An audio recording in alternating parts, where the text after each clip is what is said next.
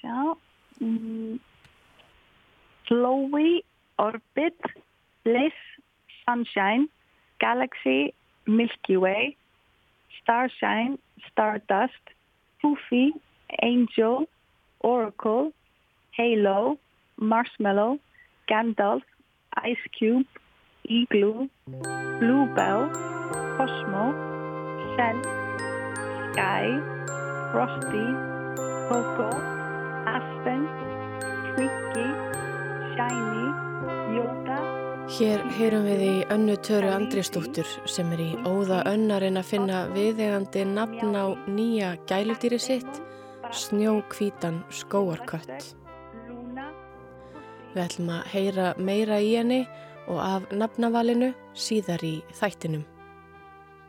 Þú ert að hlusta á glans. Lóðinn, lítill, vilt, trillt, stór, hljóðlát, hæglát, hávær, hárlaus, fyrruð, markfætt með tríni og loppur eða klaufir, já, eða átta augu. Þau eru allskonar dýrin sem byggja þennan heim. Um ein og hálf miljón dýrategunda eru þekktar á jörðinu um þessa myndir en hins vegar telja vísindamenn og sérfræðingar líklegt að tegundirnar séu nær nýju miljónum. Það eigi bara enn eftir að bera kennsl á þær flestar. Það er þó aðeins brota brot af þessum tegundum sem talið er að hendi nútíma lífi mandísins og okkar hefðbundna heimilis haldi. Vinsælustu gæludýr landsmanna eru hundar, kettir, nagdýr, páfagaukar og fiskar. Það virðist í mikið vera lagst á sortir þegar að kemur að því að velja sér fjölskyldu meðlemi úr dýraríkinu.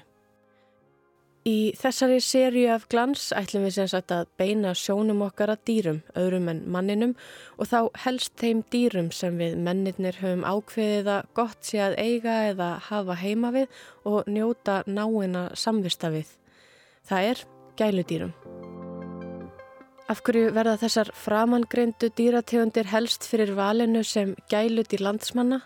Er algengt að eiga gæludýr hér á landi og hver hefur þróunin verið í þeim efnum? Hverjir eru það sem fá sér gæludýr og af hverju?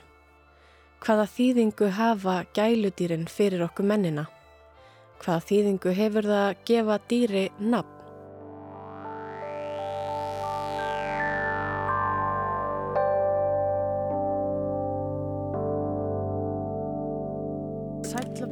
Ágúst, Katrín hér á Ráðsvöld. Ég leitaði til sérfræðings í lifnaðar háttum okkar Íslandinga í leitminni að svörum við þessum og fleiri spurningum sem lúta gæludýra haldi landsmanna.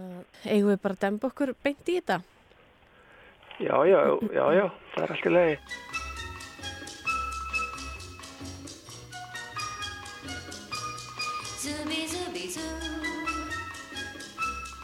Zooby zooby zoo. Zooby zooby zoo. Zooby zoo. Zooby zoo means that I love you. Ég heiti Ágúst Óláf Gjórsson og ég er sérfræðingur í þjóðvatarsatni þjóðminnarsatni Íslands. Zooby zooby zoo. Zooby zooby zoo. Þið leggið stundum fyrir landan kannanir á til dæmis á netinu. Já, þetta er svona starfsemi sem er mjög rótgróin á þjóðminnarsatninu og við byrjuðum á þessu ára 1960. Við verið samfellt síðan. Þannig að hérna lengsta þá hafa menn sem sagt verið að gefa skrifleg svör en þegar, þegar teknin bauð upp á það þá höfum við sett þetta líka á netið. Og einn þessara kannana hjá ykkur var um gæludýr. Já, Hvernig tengjast gæludýr þjóðháttum? já, þetta tengist algjörlega þjóðatum. Það er bara svona smá ingang sko hérna áður fyrr þá voru menn aðlega að svona skrásétja það sem að var að hverfa í gamla bandarsamfélaginu og menn vildu ekki að bara glemdist en síðan hafa menn verið að færa sig nær og nær og menn eru líka í samtímanum og þetta er eitt af þeim verk, samtímaverkefnum og uh, gæludýrahald það er bara mjög menningatengt fyrirbæri. Þess vegna erum við að þessu.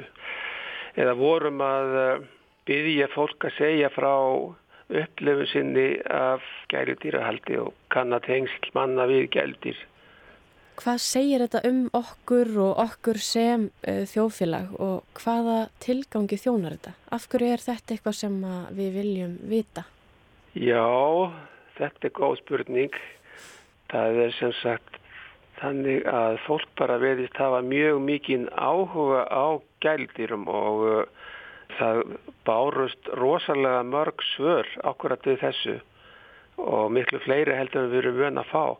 Þannig að þetta greinilega eitthvað sem hafðar mikið til fólks.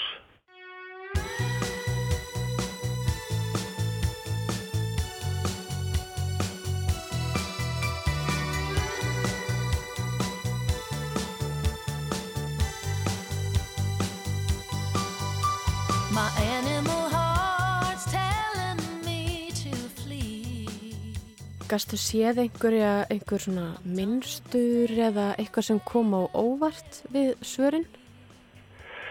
Já, það er á hverju minnstur í svo svona, myndi ég velja segja. Við til dæmis erum að spyrja að því uh, hvað menn skilgrina sem gæludýr og það er skilgrein þannig að það er uh, dýr sem menn uh, hafa inni hjá sér og gefa að borða og, og hugsa um það. Og svo sem sagt bara til samanburða þá er svona eins og til sveita þá fá til dæmis eins og hundarnir þeir fá sjálfnast að koma inn. Þannig það var svona í stórun dráttum þar sem menn skilgrendu gæludýr. Og það er þá í rauninni fólki sem svarar sem að fer með skilgrinningavaldi. Já, við erum eingangu að leita eftir frásögnu frá fólki sem hefur reynslu að gæludýrum. Þannig að það er það sem er svo dýrmætt við þetta, það er að fá þetta beint frá fólki. Og hvað kom í ljós? Áttu margir gæludýr? Það eru mjög margir sem eiga gældi. Ég, þetta er náttúrulega bara tölfræðilegt atriði og en miða við þessa konnum, þess að eru þessi sör, 600 sör, þá er það gríðarlega algengt. Það er algengast að menn síðan með hunda og ketti. Ég ætla aðeins að fá að stela orðinu hér. Það vill nefnilega þannig til að ég fann smá tölfræði um þetta. Tölur frá MMR frá 2018 sína sem sagt að 40% landsmanna eiga gæludýr. Eins og Ágúst segir eru hundar og kettir langvinsalastir og talið er að um fjórði hver Íslendingur búi á heimili þar sem er hundur. Þar á eftir koma fiskar, fuglar og svo nagdýr í talsvert minna mæli. En ég gef nú Ágústi orðið aftur.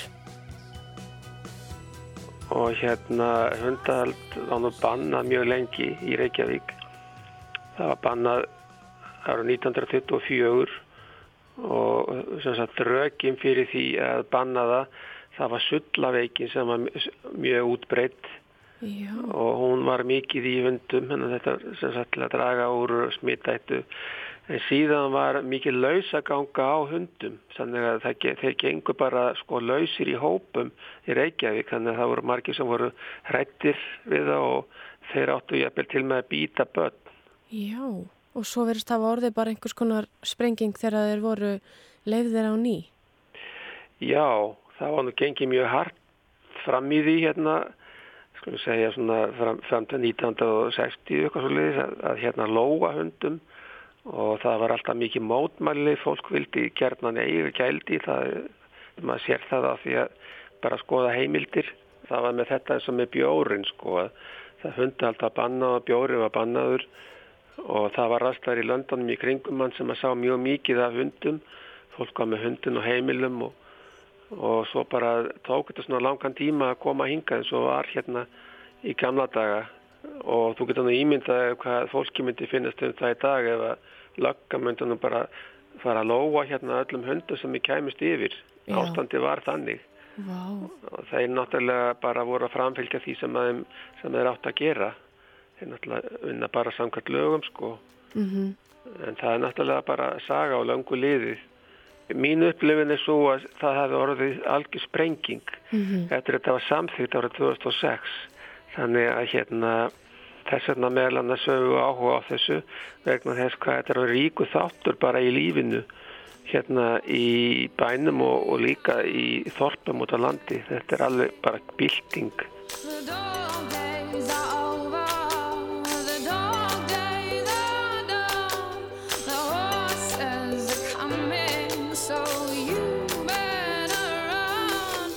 Í þættinum fyrir og nú árið 2012 rifjaði Hanna G. Sigurðardóttir upp þegar bann við hundahaldi í Reykjavík var endurnýjað eða ítrekkað árið 1971. Gunnar Stefánsson les ásamt hönnu. Hundavinafélagið skrifaði borgarráði bref fyrir skömmu þar sem beðið var um endurskoðun á samþygt borgarstjórnar frá fyrra ári um afstöðu til hundahalds í Reykjavík en borgarstjórn ákvað þá með 14 atkvæðum gegn einu að aflétta ekki banni við hundahaldi. Með brefi hundavinafélagsins fylgdu afrit af brefum hundavinafélaga víðsvegar að úr heiminum og var þar einnig farið fram á endurskoðun í þessu máli. Morgumblæðið hafði talað Bjarka Eliassinni yfir lauruglu þjóni í gær og spurði hann hvort nokkura aðgerða væri að vænta á vegum lauruglu stjóra embættisins í þessum málum en samkvæmt samþygt borgarstjórnar í þessu máli eiga hundaeigendur í Reykjavík að vera búnir að losa sig við hunda sína fyrir 1. september næstkomandi. Bjarki sagði að ekki hefði verið rætt um hundamál lengi hjá embættinu og engar aðgerðir hefði verið ákveðinar þó að þessi mánadamót væru að nálgast. Hins vegar hefði lágreglan skráð þá hunda sem sérst hefðu á rángli í borginni. Þetta var í morgumblæðinu 27. ágúst 1971 en nokkrum dögum síðar er bannið gengið í gildi og hér kemur klausa úr samablaði morgumblæðinu 2. september 1971. Svo sem kunnugt er, sinjaði borgarráð Reykjavíkur beðni hundavinafélagsins um endurskoðun á reglugerðum bann við hundahaldi í Reykjavík í fyrrakvöld með fjórum atkvæðum gegn einu. Jafnframt var vísað frá frestunartillögu Alberts Guðmundssonar og tillögu Steinunar Fimbogadóttur sem fól í sér að þeir hundar sem nú væru í eigu reykvíkinga fengju að lifa. Báðar þessar tillögur voru feldar með fjórum atkvæðum gegn einu. Í sömu greið segir síðan Mál þetta hefur vakið hérna mestu aðtekli Erlendis og er nú stattir hérlendis Erlendir bladamenn meðal annars frá Svíþjóð. Formaður hundavinafélagsins Jakob Jón, Jónasson Læknir sagði félagið ætla óskæftir aðstóð og stuðningi alþjóða dýravendunarsambansins í Sýrík. Það var sjálfsagt tilkomið vegna þess að samkvæmt samþýttinni áttu að allir hundar að vera komnir á brott úr borginni 1. september. Og þótt að sé ekki sagt berum orðum á lesamilli línana að þrjóskir eða værukæri hundaegandur gátt átt á hættu eða gerðu kannski ráð fyrir að hundinum þeirra yrði lóað þeir fylgd ekki eftir fyrirmælum. Lögreglan sem að fylgja átti málunum eftir reyndi að slá á áhyggjur eins og kemur fram í mokkanum annars september 71. Vonar lögreglan að ekki komi til stór aðgerða, henni finnir sandgjönd að hundaeigundur fái stuttan ótiltekin frest til þess að átta sig á því að ákvarðanir réttra yfirvalda eru nú endanlegar þannig að þeir geti enn að eigin frumkvæði ráðstafað hundum sínum brott úr borginni. Að óreindu trúir lögreglan því ekki, sagði fulltrúi lögreglustjóra, að til harkalegra aðgerða þurfa að koma banni þessu til framfylgdar. Reglurnar þóttu þó ekki nægilega strangar og voru því hertar árið 1989. Herta reglur um hundahald í Reykjavík taka gildi í þessu mánuði. Þær voru samþýttar á fundi borgarstjórnar í gerkvöldi með 11 atkvæðum gegn tveimur. Vilhjálmur Þóttin Vilhjálmsson, borgarfulltrúi sjálfstæðisflokksins, er formaður nefndar sem endur skoðaði gildandi reglur um hundahald. Breytingarnar hveða aðlaga á um herta reglur varðandi umsókn um hundahald. Þegar sóttur um leifi til að halda hund í fjölbýlishúsi skal skrifið samþykki allra, allra íbúðareiganda í sama stigagangi fylgja umsókn Séum að ræða raðhús eða parhús skal samþykja aðliggjandi íbúða eða íbúðar fylgja umsókn og í fjölbýlishúsi þar sem séringangur fylgir íbúðum þar samþykja allra íbúðareganda. Nú ennfrumur er nú óheimilt að fara með hunda um uh, almenniskarða borgarinnar allan sólarhingin en uh, samkvæmt uh, eldri samþygt þá var uh, leift að fara með hunda um almenniskarða borgarinnar eftir nýja á kvöldin til áttaða mótnana. Nú síðast ekki síst að þá er hveð á, á um það í þessari nýju samþygt að umferð hunda um okkar helstu og vinsalustu útvistarsvæði, það er Öskjulíð, Elleordal og Viðey er bönnuð. Segir Vilhjálmur Þótt Vilhjálmsson. Í oktober í fyrra fóru fram almennar kostningar um hundahald í Reykjavík. Þáttaka var dræm en meiri hluti var andvígur hundahaldi. Sigurjón Pétursson borgar fulltrú alþjóðbandalagsins átti sæti í nefndinni en sagði sig úr henni á dögunum þegar ekki reyndist meiri hluti henni fyrir því að banna hundahald með öllu í kjölfar atkvæðagreislunar.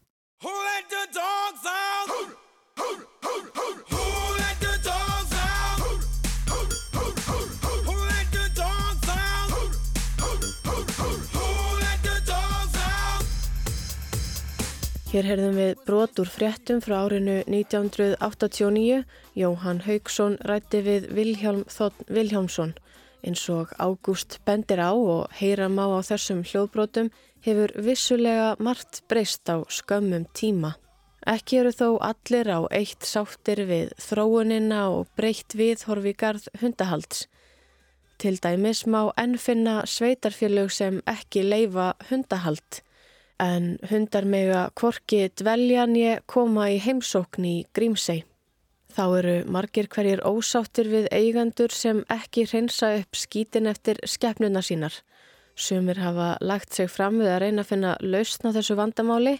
Eitt þeirra í búi í Árborg lagði það til fyrir nokkrum árum í viðtali við síðdegisútvarpið að taka eitti blóðpröfu úr öllum hundum og DNA greina það og skrá. Þannig er þið tiltölulega auðvelt að finna það út hvaða hundi hinn óupptekni skítur tilherði og þar af leiðandi hvaða eigandi það var sem ekki fjarlæði stykkin. Síðan ætti að sekta viðkomandi eiganda og þannig nota byttuna sem kvata til að halda gödunum hreinum.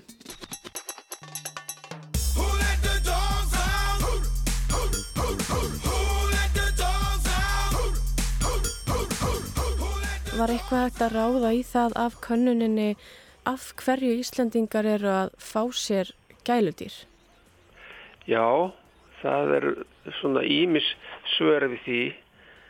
Það eru margir sem að fá sér gæludýr bara sem félagskap og hérna vini.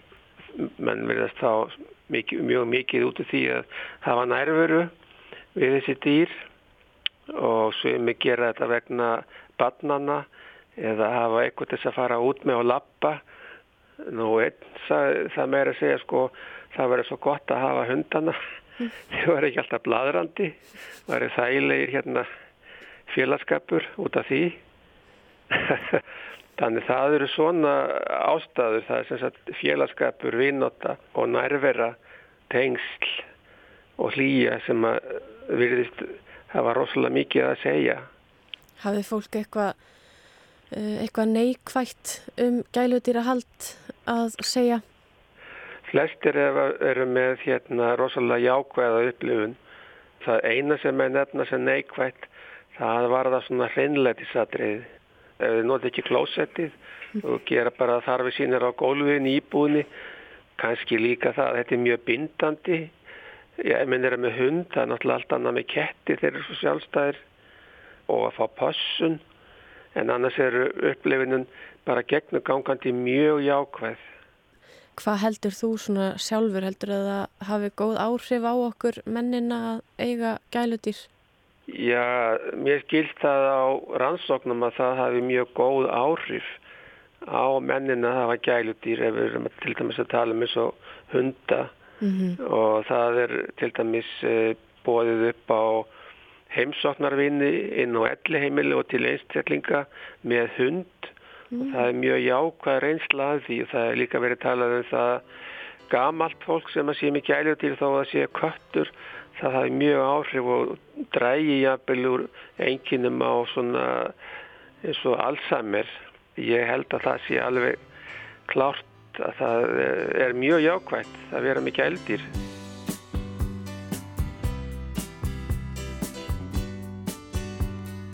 Og við spurðum líka út í kostnað. Mm og það er svolítið kostnaður í kringum þetta sérstaklega ef mann er að kaupa hunda sem kannski kostar 300-400 skall sko, og svo þarf að borga þessu gjöld. Þannig að það þarf að borga matinn. Það getur kannski alltið á einhverjum hundruðum þúsunda, já. Kannski dýralækna kostnaður og, já, Nei, það er líka sko, já, Já. já. Og virtist fólk gera sér svona grein fyrir þessum kostnaði, var eitthvað aðtuga með það? Svona áður en út í þetta var haldið? ég held að fólk hefði alveg átt að segja á því sko og svo ef þetta er lækna kostnaði sko Mm dýralækna að það eru svo sterk tengsl ef fólk mynda við dýrin þetta verður svona eins og einn af fjölskyldunni bæði hundar og kettir hann er menn er að fara með til dýralæknis og reyna að gera fyrir þá það sem að er hægt svona kannski svona einan ákveðins ramma sumi sem sagt uh, nefndu það að þeir myndu vilja gera allt og eigðu öllum peningunum sinni í þá þetta er sem sagt verður bara eins og börnum hans En hverjir eiga gæludýr á Íslandi? Var eitthvað sammert með eigöndum? Það eru bara eiginlega bara allir. Það er bara bæði háir og lágir sem eiga hundamaður sér ekki neina svona stjættaskipningu. Maður náttúrulega veit að þessari sárafátakt og maður getur eiginlega gefið sér það að þeir sem að eiga mjög lítið milli handana að þeir eru ekki með gæljudur nema þá kannski ketti sem að kosta miklu minna að reka. Þannig að þetta er kannski ekki jafn aðgengilegt öllum. Nei, það er náttúrulega stopnkostnaði sko, ef þú getum sett að fá þér hund þá, þá náttúrulega getur annarkvæmt fengið hann gefin hjá vinnum og kunningum eins og, eins og margir eru að nefna. Svo er aðri sem að kjósa að kaupa þá og telja sig þá að fengi einhverja tryggingu fyrir því að þetta sé svona eh, dýr sem eru róleg og trygg og eh, ekki árásagjörn og svo framvís og þetta er svona ímisti að þetta örglega hluta til líka efnastengt en En ég myndi samt segja það að, þetta er fólk úr öllum stjettum þjóðfélagsins.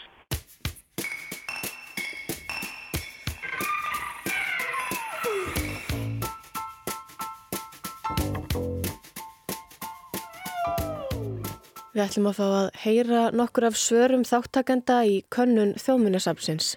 Hægt er svo að lesa öll svörin á sarpur.is og það er ekki leiðileg lesning, get ég sagt ykkur. Svörin eru afar fjölbreytt en eiga það all flest sameiginlegt að vera yfir þyrmandi jákvæð. Margir sammældust nokkun veginn hvernig skilgreina í gæludýr og þótti sumum hverjum hafa orðið breyting á skilgreiningunni frá því þá og nú. Gæludýr er það dýr sem þú sinnir daglega og þykir væntum. Gæludýr búa gjarnan á heimilum fólks. Í dag eru gæludýr nánari fjölskyldunni og sjaldnar fengininn á heimilið í þeim tilgangi að þau þjóni fjölskyldinu á ákveðin hátt. Í dag eiga flestir dýr sér til ánæju sem félaga og kúrudýr eru algeng.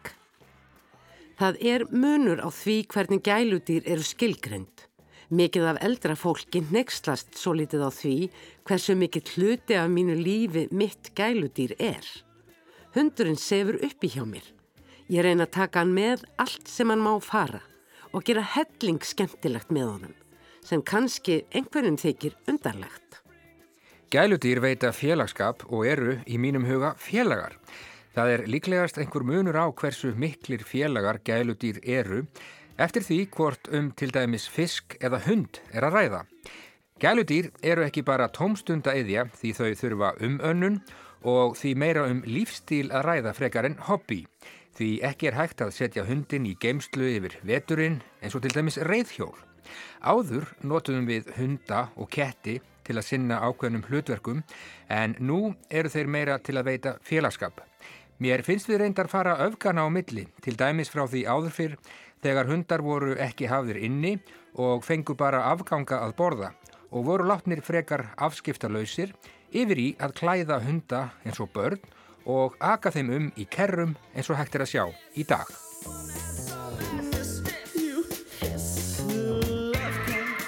Jú, þetta að klæða hunda eins og börn og aka þeim um í kerrum þekkist vissulega. Margir telja gæludýrin sín vera fullgilda fjölskyldumeðlemi og líta jafnvel á þau sem börnin sín, líkt og sjá má á svörum úr könnun þjóminjasapsins. Það skýrir kannski þetta háttalag. Mitt gæludýr er eins og barni mitt. Mörgum þykir það ránt eða slæmt að líka dýrum við börn. En hundurinn minn og kísan mín eru það besta sem ég á og þau eru án efa börnin mín fyrir mér. Ég sé um allar þeirra þarfir líkt og fólk með börn gerir. Þau eru ámálka greiðin og þurfa því öðruvísi aðstóð.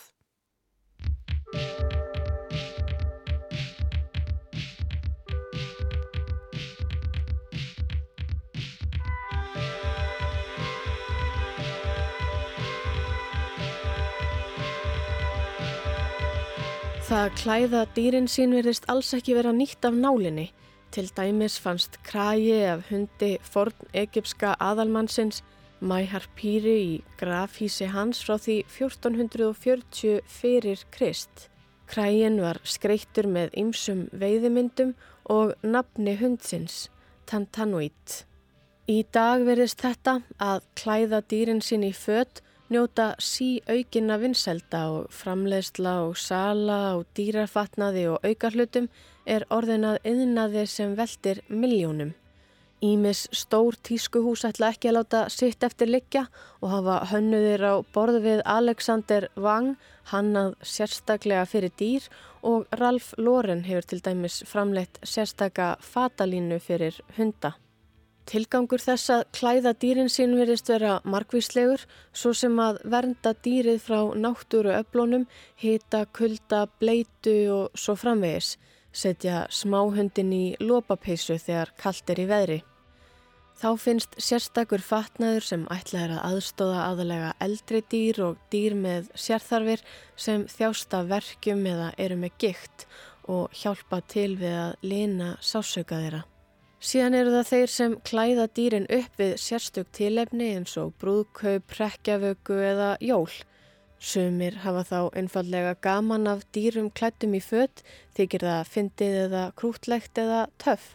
Þá getur það að byrta myndir af gæludýrunum sínum full klættum einni aflamanni gífurlegra vinsælda á samfélagsmiðlum, eitthvað sem margir sækjast eftir nú á dögum. Ef farið er dýbra í þessar pælingar telja sumir sérfræðingar að dýrin séu ákveðin stöðutákn. Fatnar þeirra og auka hlutir endur spekli stöðu eigandans. Maðurinn tjáir sig með tískunni og síni með henni smekksinn, gildi og stöðu. Þetta sé svo yfirfært á dýrin með því að passa að þau séu prúðbúin. Auk þess geti það að klæða dýrin styrt tengsl eigandans við gæludýrið og aukið á nándina. Það má þó nefna það að tilgangurinn og kvatina bakið því að klæða dýrin sín í fött hefur ekki verið vel rannsakaður. Síðan eru það þeir sem taka þetta skrefinu lengra. Í byrjun februar ár hvert fer fram á efstu hæð Pennsylvania Hotelsins í New York einhver yfirgengilegasta, litrikasta og líklega hárugasta tískusýning heims.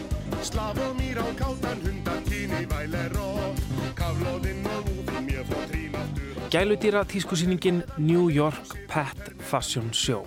He's an exotic blue Merle Pomeranian wearing canine couture. It's a double dapple, Dachshund Chihuahua mix. He's blind and deaf. She's a little ham. This is Pasto. He is Prince Harry tonight. My name is Sabrina and this is Flora. We are originally from Italy. We live in Miami Beach and she's my baby. Já, eins og Kristján Guðjónsson, annar umsjónamaður lestarinnar, lísti fyrir hlustendum sínum er tískusýningin árulegur viðbörður þar í borg og fjölmenni sækir hátíðina sem haldin var í 17. sinn í ár. Margir eða þúsundum dollara í búningana sem sömur eru hannaðir af sérstökum, sér mentuðum gæludýra fata hönnuðum og getur undirbúningurinn fyrir hátíðina tekið fleiri, fleiri mánuði. En þetta er langt frá því eini viðburður sinnar tegundar.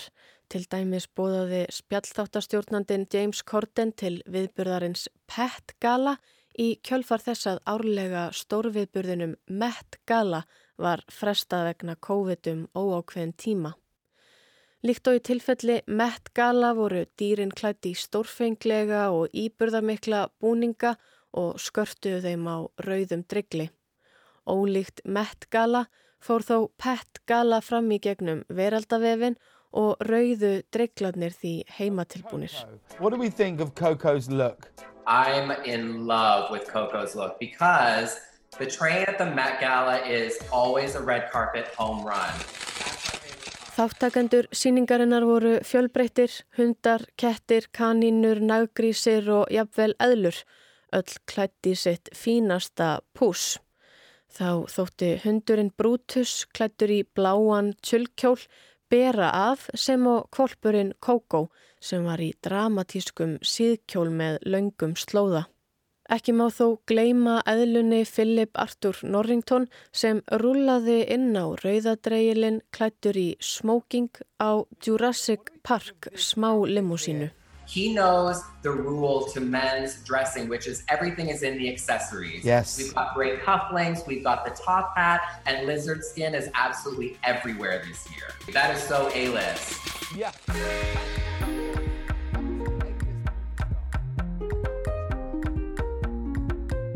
En hvað finnst dýrónum sjálfum um þessa yðju? Hafa þau jafn gaman og gott af þessu og við mennirnir? Sérfræðingar verðast vera á misjöfnu máli. Mikilvægt sé að gengir sig úr skugga um að dýrinu líði ekki illa og að það sé ekki sett í hættu. Til dæmis sé svo hætta til staðar að önnur dýr verði aggressív í garð hins klætta þar sem erfitt geti verið fyrir þau að lesa í líkamstjáningu dýrs í fötum. Aðrir vildi þó meina að yðjan væri slæm með öllu og gengi gegn reist dýrana og væri þeim til smánar. Nancy Wintart sem titlar sig sem dýrasamskipta fræðing og kennara segir að best sé einfallega að spyrja dýrin sjálf hvað þeim finnist. Hvert dýr sé einstakt og skoðanir þeirra geti því verið misjafnar. Hún sjálf segist hafa rætt við hinn ímsu dýr um þetta mál og fengið margvísleg svör. Einn pögghundur sem hún spurði sagðist ekki setja sig á móti því að vera klættur upp þar sem það gleðji eigandan og hann fái aukna aðtigli frá fólki, sér í lagi þegar hann er í kjól. Annar hundur sagðist fíla mjúku vetrapeisuna sína en alls ekki jakkan. Önnur dýr voru ekki eins hrifin og kvörtuðu undan því að þeim klæjaði undan fötunum eða liði óþægilega. Einn afganskur mjóhundur var sérlega sár og sagði að vera fyrir neðan sína virðingu að vera klættur upp.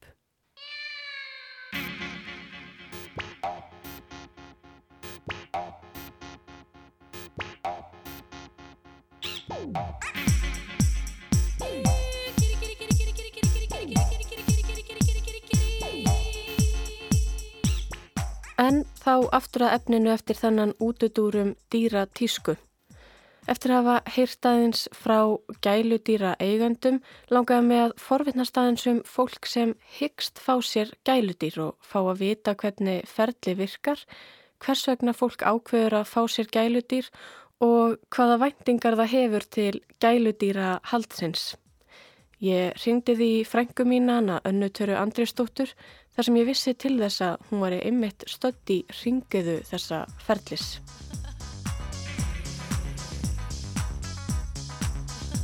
Hæ, ég heiti Anna Tara Andrisdóttir og ég heiti í Barcelona og er í mastersnámi í rannsóknum í sálfræði, hér úti. Anna, þú ert að býða eftir að fá kött. Já, það passar. Og hvernig, þú ætlar að ætliða hann? Já, það er alltaf að tala um ætliðingu hérna úti og þetta er alveg bara frekar mikið ferli. Þau senda manni spurningalista þar sem þau spurja mann alls konar spurninga eins og uh, hvort að hvað við höldum að það kosti eiga kött í hverju mánuði, hvað maður þarf að hafa heima til að vera tilbúin fyrir kött, hvort að við höldum að það sé mikilvægt að við séum með eyrnamert og, og fleira. Það er eins og þau séu alveg að gæta þess mjög vel að, að vera vel hugsa um köttin. Já, köttin verið mikið einn heima og svo vilja þau koma í heimsókn og skoða húsið og vera vissum að húsið sé fínt og líka að maður sé með net fyrir gluggum þannig að kötturinn detti alveg öruglega ekki út um gluggana af því að því miður er það ágætlega algengt hérna því að flestir búa uh, í blokk og frekar hátt uppi en það eru margir kettir sem slasast Já, þannig þetta er svaglegt ferli og ferð ekki bara mætir og segist vilja bjarga eða ætliða ketti. Nei, alls ekki. Þau vilja kynna þér svolítið og vilja að þú komur og kynast keisinu líka. Þið eru með augastað á einni kísu. Já, við erum búin að finna ægilega sæta hvíta, ég kalla hann alltaf púkkeisu. Er hún svo loðin? já, það er íslensku eða skóakvættur. Og já, svona alveg hvít, hvítur með blá augu. Ægilega sætur. Þau finna hann á göttunni. Já. Ég veit ekki einu sinni hvað hann er gamall og svo eru þau bara búin að hugsa um hann og, og finna fyrir hann í teimili sem er í tillæg. Og vitaðu eitthvað hvaðan hann kom eða af hverju hann var skyndilega umkomulaus? Nei, ekki neitt. Bara hann. Þannig að þið eru búin að finna þarna drauma kísuna en Já. af hverju ætlið þið að fá ykkur kött þú og, og kærastæðin? Eh, það veitir mér allavega bara opbúslega mikla ánægju. Ég hlakka meira til að koma heim. Ég er róleri þegar kísuna hjá mér. Held ég jafnvel auðveldar með að sopna. Mhm. Af því að mennilega leiðist mér svo að reyna að sopna á kvöldin en ef að er hjá mér þá svona leiðist mér minna og við líklega til að fara fyrir að sofa og ná að sopna. Og svo er þetta líka bara einhvern veginn gleði gafið þetta, le- þú veist, kísa læti mann alltaf brosa og slaka á og svona. Ertu líka spennt fyrir svona social media content sem þú munt geta búið upp á? Nei, ég þetta ekki múin að pæli því. En uh, þú, þú hefur átt fleiri ketti gegnum tíðina Já. Þannig að þú í rauninni veist alla þessa kosti út af bara því og þinni sögu. Já, ég ólst upp með kött þegar ég var sex ára og hún dóð því að ég var tvítu og það var opbúslega erfitt. Æ, Og hún svá alltaf uh, við hliðin á mér upp í rúmi og ef hún var ekki þar þá vissi ég að var eitthvað að þá var hún læst úti eða eitthvað. Og hún var svona eiginlega viðkvæm en, en þú veist, visti mér. En svo eru allir kettir svo opbúslega mismunandi þannig að veginn hvað kemur með þeim er mjög mismunandi og það er svolítið erfitt eiginlega að fá sér annan kött eftir að hafa átt bara einn allæfi. Af því að maður er þá svo hissa hvað þeir eru mismunandi og, og með mismunandi karakter. En svo venst það sko. En ég hef átt nokkra ketti síðan eða átt, ég, ég hef tekið að mér um tíma uh, nokkra ketti en ekki alveg átt á. Af því að það er svo opbúslega mikið skuldbinding þannig að til dæmis að flytja Barcelona þá getur maður ekki alveg eignast kött í langan tíma á Íslandi. miða við samt svona hversu erfitt það var að missa köttin sem þú áttir uh, alla þína æsku, getur alveg samt hugsað þér að fá þér annan kött og vita að það mun kannski koma að því sama einhver tíman. Já, ég get hugsað mér það en, en ég hugsa líka alveg um það hvað það verður erfitt og ég hugsa um það því að þessi köttur þau giska hans í kannski fjóra ára um það bil og þá náttúrulega mun ég að minni tíma með honum. En ég held að maður verður bara að læra að lifa með því eins og, eins og lífið er. En til dæmis þá bjóð ég annar íbúð hérna úti fyrir stuttu og þá var einn nágrann að kissa sem að koma alltaf í heimsók og mér fær að tekja alveg mjög vænt um hana og hveiði á búsla frá, frá henni. Og það var auðvitað svolítið sást en svo bara svona þakka maður fyrir góðstundir sem maður átti með henni og, og lífið heldur áfram. Hvernig, hvernig komst hún inn? Það er alveg mjög sjálfgeft í Barcelona að kísuna getur farið á milli. Flestar eru lokar inn í íbúum eða þær komast ekki út á grötu eins og Íslandi sem er svolítið leðilegt. En þessi kísa sem komst út á terrassi og eldurslugin okkar sneri þar út og hún gæti með þessu opna sjálfglöggan bara eins og hún vildi. Já, og var eigundum hennar alveg sama þó hún væri löngum stundum hjá ykkur. Já, hún hafði aðalega ágjörð því að fólki sem bjóð þar á undan okkur þeim var svo illa við köttin og sett upp grindverk. Þannig að eigandi var bara fyrir fegin og okkur þetta væntum hana. Æ, en En svo held ég að kísan hafi líka stundum kosið bara að vera þar sem að heitast ég var best af því að sem Íslendingur þá kynnta ég húsið mitt mjög vel á, á verðnar en síðan vorum við ekki með góða loftkælingu á sumrin þannig að þá ákváðan að vera meira heima og sér á sumrin það sem að var væntalega kaldara Þannig hún var svolítið svona að kannski bara spá í, í eigin hagsmunum hanna. Já. Það er náttúrulega margir jákvæðar kostir við eiga gældir eins og við tölum aðeins um en er eitthvað erfitt eða neikvætt við það? Já, alveg fullt. sko, fyrir mér, mér alveg sama en, en hérna, ég hugsaði samt með mér að það væri ágætt að kærtum minn hefði fengið að kynnast kísunni í gamla húsinu sem hann ákvæða á konu átti til að hann geti skilu betur hvað væri að, að fara úti. Þannig að til dæmis þá fyrir sumar og uppyrrandi hafa kattarhárin. Kísan líka áttaði til að klóri rúmið uh, og vekja okkur á mótnana og hann svona freka viðkomið fyrir því. Já, það er nú eina sem er dættur í hugubili en það er öruglega hvað fleira. Ég, hérna, kísan mín sem ég átti fyrst, svona síðustu þrjú ár æfinar, þá kúkaði hann bara á gólfið. Ah, einmitt. Og hún vildi bara drekka úr vaskunum, ekki úr skál og svo var hún svo mikið peppi að hún fór að vilja drekka bara baðkarinu frekar en vask, vaskunum. Ok, svona high maintenance. Já, það er alls konar sem að það er, eidilegja sem um húsgögnir, klóra, mm -hmm. endan á sófanum. Þetta er eina sem að beiti sundur snúru, eidilega opusla fín heyrnatól og svona. En maður á að með því að aga þær vel þá maður geta vanar að þessu. Ég náði til dæmis að venja nákvæmlega kissuna af því að vekja okkur á mótnana. En kostin er samt vega svona miklu þingra heldur en þessir svona nokkrir um, Já. Já. Fyrir mig allavega heldur betur. En Já. ég held að fólki geta alveg bröðið ef það er aldrei átt gött. Og Já. svo er þetta ábyrðin. Það er kannski helst það ef þú ætlar í frí þá þarf kannski einhver að passa kissuna. En vildiru alltaf ætleiða koma aldrei til greina að kaupa bara nýja kísu sem væri þá mitt ekki fjögur ára, heldur bara ung? Nei, að því að maður vill einhvern veginn bjarga kísum sem að eiga erfitt og hafa ekki átt gott heimili. Og svo líka ég átti einu svona kettling og hafa svo mikla persónuleika breytingar hann breytti svo mikið frá að vera kettlingur og yfir að vera fullorðin ég veit ekki hvort það sé vennilegt eða ekki en mér leiði svona eins og ég myndi jafnvel vita betur hvað ég var að fá ef ég myndi fá fullorðin kísu Áhugavert. Já, en hins vegar skilja búslega vel að margir vilja þetta eiga. Kettlingur og ótrúlega sætir en þá er miklu meira ábyrð á þér ofta að þá vel upp.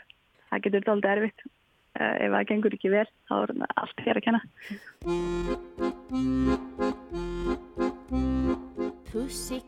Heldur að þú getur vitað hvað kísunar er að hugsa?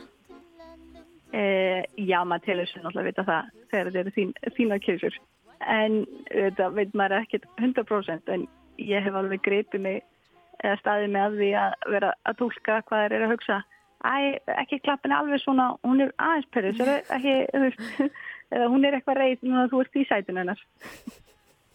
Ok, en þannig ég heyri á þessu að kísan og hennar þarfir hafa forgang yfir að mannlega gesti og, og vinni. Ekki alltaf, en, en fólk ekki, ekki kannski gestir, en kærastinu svona látin vita. Kísa er svolítið óraleg, hún veit ekki alveg hvað hún er að gera núna, vistu þú tók sætun hennar. I frighten the mouse from under her chair. Meow, meow, meow, meow. I frighten the mouse from under her chair. Síðan fannst mér svolítið skemmtilegt í könnuninni að þá spurðu þið út í nafngift og nöfn gæludýrana. Já, Um, voru einhver gæludýra nöfn algengar en önnur svo munir eftir? það er mjög hjölbreytt sem að uh, þessi nöfn, sko, þessi, þessi gamlu hefbundnu nöfn eins og branda eða snúður eða eitthvað svona þau eru ekki nándar næri því eins algeng, þannig að það geta verið alls konar nafn. Ég mann til dæmis að þetta er eitt nafn sem er nefnt, eitt kvartur sem heitir Bruce Lee. Svo var einn kvartur sem að hérna var nú eiginlega bara svolítið frægur sem að hétt Dr. Jón Já, og hann var nú svo frægur að það var skrifið um að minningugrein í mokkanum en ég held að það hafði nú verið svona meira grín það var mjög skemmtilegt var eitthvað að sjá svona hvað ræður vali á nöfnum? Uh, ég treysti mér nú ekki til að fara út í það. Ég held að það sé rosalega einstaklisbundi Mhm. og mér hefur fundist það sjálfum hvernig menn velja nöfn. Uh, margi velja kannski út frá því hvernig þeir eru að upplifa dýrið Mhm. og útlýseinkenni en svo getur verið bara svo margt til dæmis eins og það getur hundur getur heiti hérna Tómas eða Gríma eða Röskva eða Hera svo geta það líka haft gælunöfn og ég man til dæmis eftir því að sumir hafði gælunöfni Baby og einhver hafði gælunöfni Littliras þannig að það er þetta er svona fjölbreytt Heldur þú að hafi mikla þýðingu að gefa dýrunum nöfn, nafngiftin sjálf? Já, ég held það, að það, það, það gerir það, það hafi mikla þýðingu. Það var þannig til dæmis hérna í, til sveita að kindunum voru gefið nöfn, ég veit nú ekki hversu algjönd það er núna þegar menn eru gána með svona stóra hjarðir. Þannig ég held að skipti máli upp á tengslinn að það sé nafn. Mhm. Þetta sé bara ekki eins og eitthvað gripur, ég held að sé hluti af því á. What's new, pussycat? Whoa, whoa, whoa. What's new, pussycat? Whoa, whoa, whoa, whoa. Átt þú eða hefur þú sjálfur átt gæludýr Já, ketti, og uh, má spyrja út í nöfnin, nöfnin þeirra? það var mjög hefbundi. Það voru tveir kettir og þ- fyrst að fyrstu hétt snúður og svo næstu hétt líka snúður. Snúður 1 og 2, eða junior Það og... var ekki mikið hugmyndaglug, Nei. það var gamalt klassíkt nafn. What's new, pussycat? Whoa, whoa, whoa. What's new, pussycat? Whoa, Það er eitt sem við höfum svolítið rætt um síðan að þú tókst þessa afdreifaríku ákvarðun að fá þér kissu í Barcelona Já. og það er hvað þið ætlið að skýra hana. Emmitt. Það er mjög erfið ákvörun og kísin er svo opbúslega falleg, svona skjanna hvít og, og alveg blá augu og mann finnst eiginlega ekkert vera nógu gott fyrir hana. En hins vegar er með mjög margar hugmyndir og kæristu minn er ekki íslenskur þannig að þetta er ekki íslensk nafn. En þeir sem að börguðu kísinu eru búin að gefa nafn og það er Finn. F-I-N-N, Finn. Já, Já. sem að þýðir held ég snjór, það tengist eitthvað við hvítur og hvort það var ga- gamalli ísku eða eitthvað, ég manna það ekki alveg og þó að mér finnst það, mér finnst það mjög fyndið sem kattanat og mér næstu ég langar að halda ég að því að mér finnst eh, mjög svona skrítið að fyrir kött uh, en hins vegar það er svolítið óþjált. Mm -hmm. Erfitt að segja það. En síðan þá eru búin að koma með fullt af hugmyndum. Og engið þeirra er fullkomin ég googlaði hvað getur verið eitthvað tengt geimnum sem að getur passa við hana því að hún er svo ótrúlega himneska það myndi kannski vera nógu stórt fyrir hana og ná henni. Og þá fann ég Galaxy og Orbit Milky Way og Starshine, Stardust. En ég hef ekki enda hitt hann. Þannig að ég held ég mun ekki vita þetta fyrir en að ég hitt hann Sum nöfnin eru svolítið svona ókynbundin. Já, einn köttur sem að ég tók að mér. Ég nefndi reyndar ekki en, en það var kvenkinsköttur, Læða, sem að ég Tupac mist. Og, og manni finnst það myndi ekki skipta miklu máli hvernig nöfnin eru. En hins vegar finn ég að stundum ef ég hugsa eitthvað kvenkinsnöfn fyrir hennar kött, þá kannski hefur það svona ómöðuð áhrif að það passi ekki nógu vel. En mér það allavega skipta minna máli. Hvernig veit maður samt þegar að nafn er rétt? Ég held að maður finni það bara. Þannig hefur alltaf verið áður. Ég hugsa með mjög guð með góðu hvað lítur að erfitt að velja nafn á batni ef ég get ekki einu sinni valið nafn á kött. Mm Og líka einhvern veginn, einhver leitur öll nöfn svo venjulega því að svo margir bera þeir sem er vantilega tilgangur með þeim. En þarna færðu kannski að nota hugmyndaflugið. Já, aðeins meira. Eh, ég man að það var einn annar köttur sem að ég átti erfileikum með að finna nafna og einn vinnu minn, hann byrjaði gríni að kalla hann Herbert af því að hún fannst það svo fárulegt kattanafn og mín fyrstu viðbröð voru bara, mér, var ekki skemmt, bara hætti þessu síðan eftir svona tvær vikur fór mér að finnst það fyndið og það var síðan nafnið á kættunum. Já, en fyrsti kötturinn sem hún fegst þegar var svona lítil. Ég reyndar, fekk hana frá frængu minni, hún átt hana á undan mér, þannig að hún skýrði hana og hún hétt Írena, eða nefnd hana, segir dýr. Og einmitt eins og með Finn að nú er hann þannig sé búinn að fá þetta nafn en þið ætlið að ský, þið, nefnan Já. og uh, heldur að það sé eitthvað rugglandi fyrir kött eða að, að endur ekki. nefna? Nei?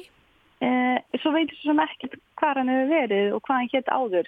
það getur kannski verið skrítið ef ekki kallaði það en maður einhvern veginn kallaði köttin alls konar nöfnum eins og hérna úti segir maður köttur þá er það gatto og svo Mhm. segir maður oft gattito þegar það eru svona litli krúllegi kettir Mhm. einhvern veginn kallaði ég oft nákvæmna köttin bara gattito Já, sem er Eh, þá, verður þá í rauninni gælu nefni eða þannig séð. Já, svona eiginlega og, svo, og þau fatt ekkit endilega að það sé það sem múst að kalla þau en, en svo þau eru búin að nota eitthvað orðið nógu oft að fara þau að tengja og þá er tengingin bara komin þannig ég held að það sé ekki skrítið á þeim Mhm. tímpunkti. Já, en það heiti þá kannski líka mörgum nöfnum og það verður ekki rauglandi. Þau allavega eru kannski búin að læra ákveðinu hlutir eiga Mhm. við um þau eins og allavega bara að segja sko. Mm Já. Þið alþjóðlega kattar kall. Já. Hvaða þættir koma við sögu í nafnavalinu? Va- Er eitthvað svona sem þið finnst mikilvægt eða eitthvað sem skiptiði meira máli eins og talaður um geimin og svona? Hverju eru þið að huga að? Ég fór að hugsa um geiminn bara af því að mér finnst þessi köttur mjög himneskur en ekkert nafn ná yfir það. Mhm. Ekkert nafn eiginlega eh, ná fyrir nógu, nógu vel. En þú heldur að þetta komið til þín bara um leið og þú ferð að hitta hann? Nei, það getur alveg orðið valkviðið bara mjög lengi. Úff. Og þá verður nafnið bara Gatito. Það er eiluðu. Þannig að þetta er erfið ákvörðun. Já, mjög erfið. Nefn að sko, stundum, ég hef líka fundið fyrir því að eitthvað nafn kemur upp og maður finnur að það er rétt og, og þá er það ekki erfitt. Eru einhver nöfn á listanum sem að kærastiðin er frekar að hallast að? Já, já, hvað var aftur? Ah, Nú mann ég ekki hvaða nafn það var aftur sem að hann var að hallast það. Var ég að spyrja hann? Er hann hana? Já. Og sama, do you remember what cat name it was that you liked the most? Snow. Já, hann segir að, að hann sé hreitnastur af nafninu Snow. Og þá sagði hann um að, að það væri, að væri nafni íslensku sem, að- sem að væri snær. Mér finnst einmitt sko snó flott en snjór enn flottara. Já, en mér finnst það líka smá óþjált. Snjór, snjór. Já. Óþægilegt þegar það er svona eitt langur sérhljóð í miðinni. Og vantar snowy, einhvern veginn. Þannig að það er líka eitthvað sem að þú hugar að bara í rauninni hvernig, hvernig það er að, að kalla upp þetta nafn aftur og aftur. Já, eins og maður breytir Jón í nonni eða margir gerði. Mm Og nonni er samt lengra. En ég held að snúast um þetta að, að fá tvo sérhljóða getur oft verið óþjált að vera með einn. Þetta er mjög, þetta eru mjög áhugavera pælingar, mikið svona, mikil vin, heilavinsla sem verist fara í þessa ákvörðun. Já. Eh, En ég skilði það því að nafnið þarf einhvern veginn að vera rétt og það þarf að passa. Já. Og svona hvaða þýðingu finnst þér bæði þá nafngiftin og nafnið hafa? Hefur þetta mikið vægi? Einhverju leiti, ef ég er bara með valkvíða og get ekki vel eitt nafn, þá Mhm. finnst mér dæmis allt í lægi þannig séð að kötturinn sé bara að köllu kísi eða gatító. Mhm. Þannig að það skiptir ekki kannski miklu máli fyrir mig persónulega. En hins vegar skiptir mig greinilega mjög miklu máli að, að ef hann sé gefið nafn, að, að þá sé það alveg rétt nafn sem að, sem að næja allir, allir, öllum þeim guðdómleika í einu orði. Já. Þannig að svar er eiginlega já og nei. Men kannski frekar að hafa rétt nafn, frekar að hafa ekkert nafn heldur en rátt nafn. Já. Hún er bara nafnlösu kötturinn. Hann. Æ, kissi. Kissi. já.